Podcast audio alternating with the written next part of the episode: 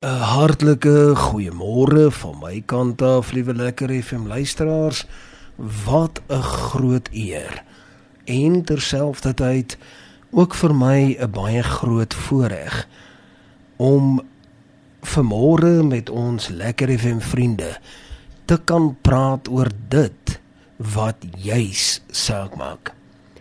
En dit is ook vir my baie belangrik om sinvol te praat enige mens wat my baie goed ken en wat my bediening volg sal weet ek is nogal iemand wat telke male sal verklaar dat ek nogal baie graag dit waaroor ek praat jouself moes deurgaan sodat dit sinlik en bruikbaar is. Jy weet ons kan baie maal luister na hoogdrawenheid maar op die ou einde as ons wegstap, wat kan ons onthou? Wat kan ons gebruik prakties vir ons lewe tans wat ons lewe? Wat kan ons doen om ons verhouding dan met die Here te verbeter?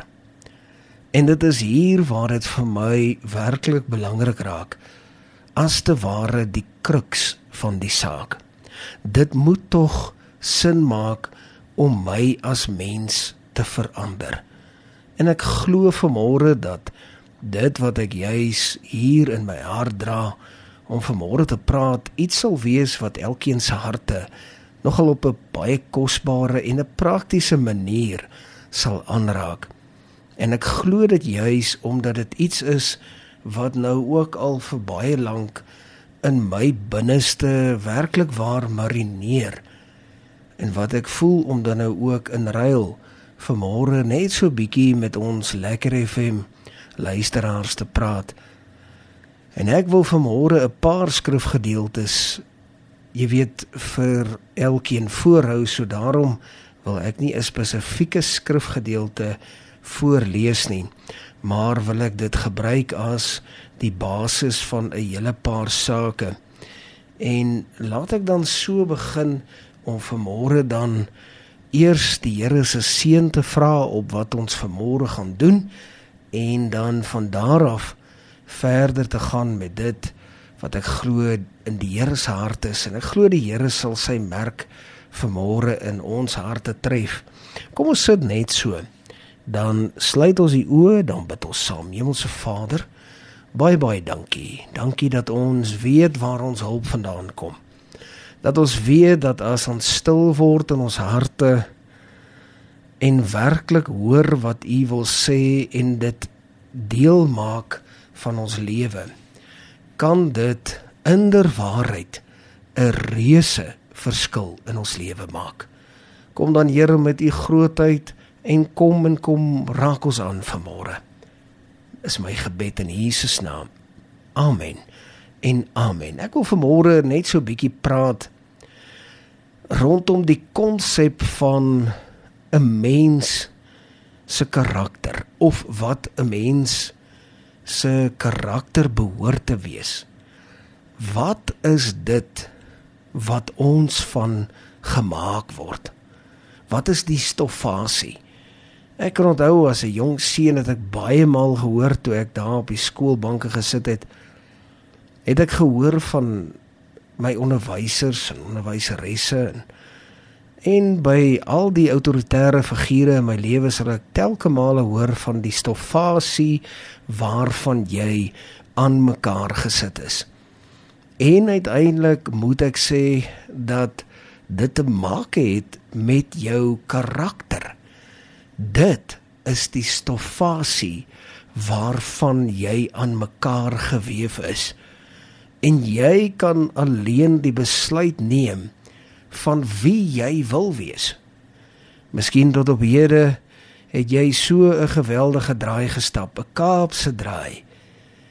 En is dit miskien dalk in jou hart al lankal en waar die Here jou al lankal aanmaan om 'n besluit te neem om jou saak aan te pas en te verander en jy net nog nooit daarby uitgekom het nie en en daar maar altyd iets voorgeval het. Jy nog elke keer gedink het, "Jog, ek ek kan dit nie nou begin nie, maar ek sal bietjie later." Miskien is die feit dat jy vanmôre ingeskakel het op 98.3 dalk het jy per toeval vanmôre ingeskakel en gehoor wat belangrik is vir jou om te hoor. En ons gaan juis hier volgende 3 oggende praat oor 'n paar van hierdie sake wat vir my hoog aan die lys staan. As jy nou daar 'n prioriteitslys moet neerskryf, dan gaan jy nou hierdie sake wat ek vandag, môre en oormôre gaan praat, juis baie baie hoog op hierdie prioriteitslys skrywe.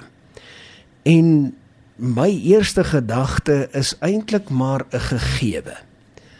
Maar glo dit of nie, ons lewe in 'n wêreld waar dit uiters skaars is. Ons lewe in 'n samelewing waar dit so skaars is waar mense nie eers twee keer daaroor dink om te fouteer wanneer dit kom juis by hierdie saak nie. Inteendeel, liewe lekker FM luisteraars, sien ek dit meer as 10, 20, soms 30 keer op een dag dat mense dit doen sonder om te blik of te bloos. En dit is die konsep van eerlikheid.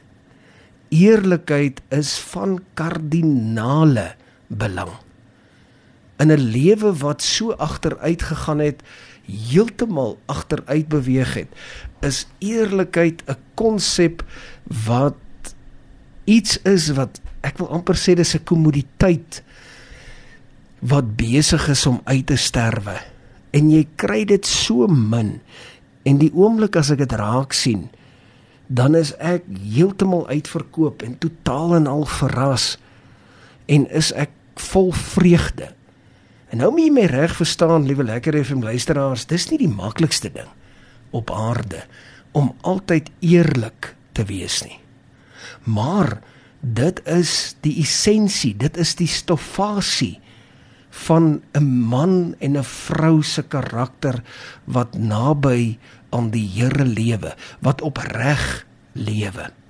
En ek weet dat dit kos baie werk en ek moet miskien dalk bieg en vir jou vanmôre sê dat dit vir my elke dag maar 'n moeilike ding is om te probeer om werklik eerlik te lewe, om in 'n eerbare staat gevind te word, om om eerlik te wees en nie om hier en daar oneerlik te wees nie.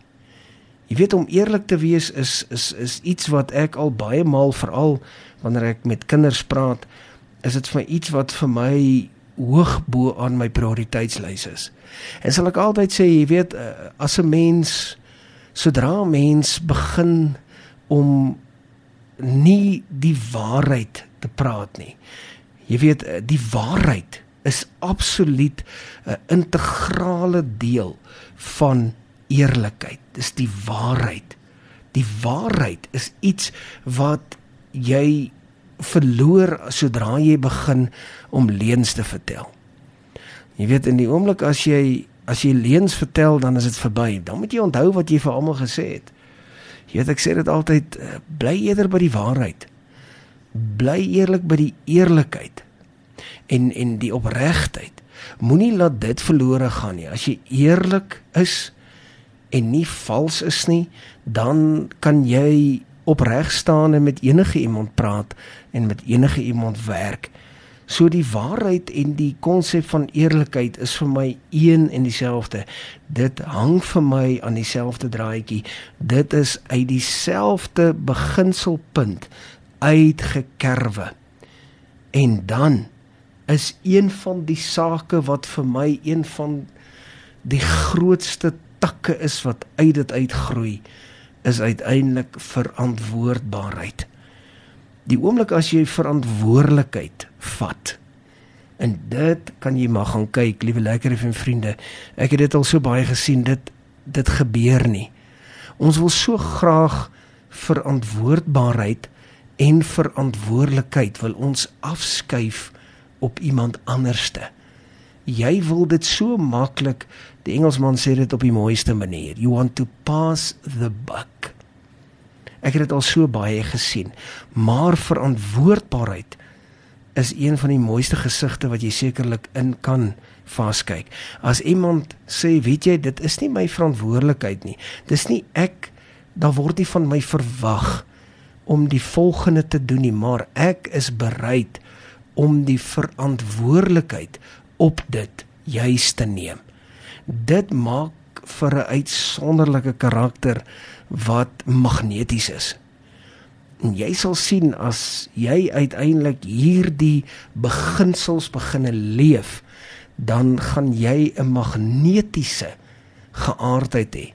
Nie 'n elektriese geaardheid waar jy almal eintlik net afstoot en wegskop nie, maar 'n magnetiese geaardheid is iemand wat mense word net getrek na jou toe.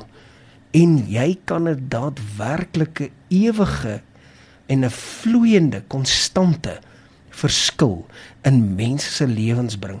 En is dit nie tog die rede hoekom ons op hierdie aarde geplaas is is om werklik 'n verskil te maak? Die Here het ons as mense mos vir mekaar gegee wanneer laas het jy verantwoordelikheid geneem vir iets wat jy dalk voel nie heeltemal iets is wat jy in elk geval behoort om te gee oor nie. As jy vir my openlik en eerlik daardie vraag kan beantwoord, dan wil ek vandag vir jou sê en as jy sê ja, dan is jy op die regte plek. As jy vir my sê, weet jy wat, hier's niemand om my nie en ek kan maar eerlik wees, nee, ek ek Ek het baie lanklaas iets gevat as my verantwoordelikheid as dit nie werklik van my verwag word nie. Dan wil ek vir jou sê, miskien het dit tyd geword. Dalk net is dit miskien dalk vandag jou geleentheid om jou gesindheid te verander, om te sê ek wil van nou af die saak reg doen. Ek wil graag verantwoordbaarheid vat vir watter gevalle in my lewe of waar ek werk of waar ek bly. Jy weet baie mense sal vir jou sê en ek het dit al so baie keer gehoor.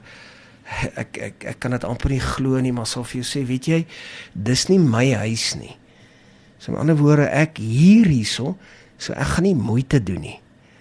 Jy moet juis moeite doen omdat dit iemand anders te sin is. En omdat jy sal graag wil verwag dat iemand anders teenoor jou dit reg moes doen. So dit is jou uitgangspunt wat bitter bitter belangrik is.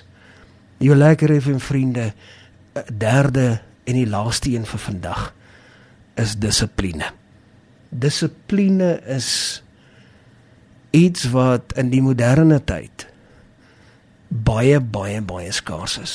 Maar dit maak op vir 'n mens met absolute absolute goddelike karakter. As jy dissipline in iemand raak sien, en dit is maklik om dit raak te sien. Jy kan dit maar gaan kyk, daar is baie baie verskillende voorbeelde. Dissipline het uit te waai met omtrent jou hele lewe. Dit het uit te waai met wat jy doen, waar jy woon, met wie jy praat, met wie jy in 'n gesprek staan, wat jy neerskryf, uh, jou openbare persoonlikheid het alles te maak met die mate van dissipline wat jy toepas. En mag jy vandag geïnspireer word en luister môreoggend gerus want ons gaan aan met hierdie konsep van wat 'n goddelike karakter is. Tot sover die woord van die Here. Kom ons sit net so dan sluit ons die oë, dan bid ons saam. Hemelse Vader, dankie vir u liefde. Dankie dat u woord ons hart kom verkoop en ons lewe kom stig. Dankie Here dat ons werklik op die gronde daar van Spreuke 28:13 en Kolossense 3:23 tot 24 en ook 1 Korintiërs 9:26 tot 27 werklik as fondasie kon gebruik het. Here seën hierdie woord aan die harte van elkeen wat dit aangehoor het. Is my gebed in Jesus naam. Amen. En amen.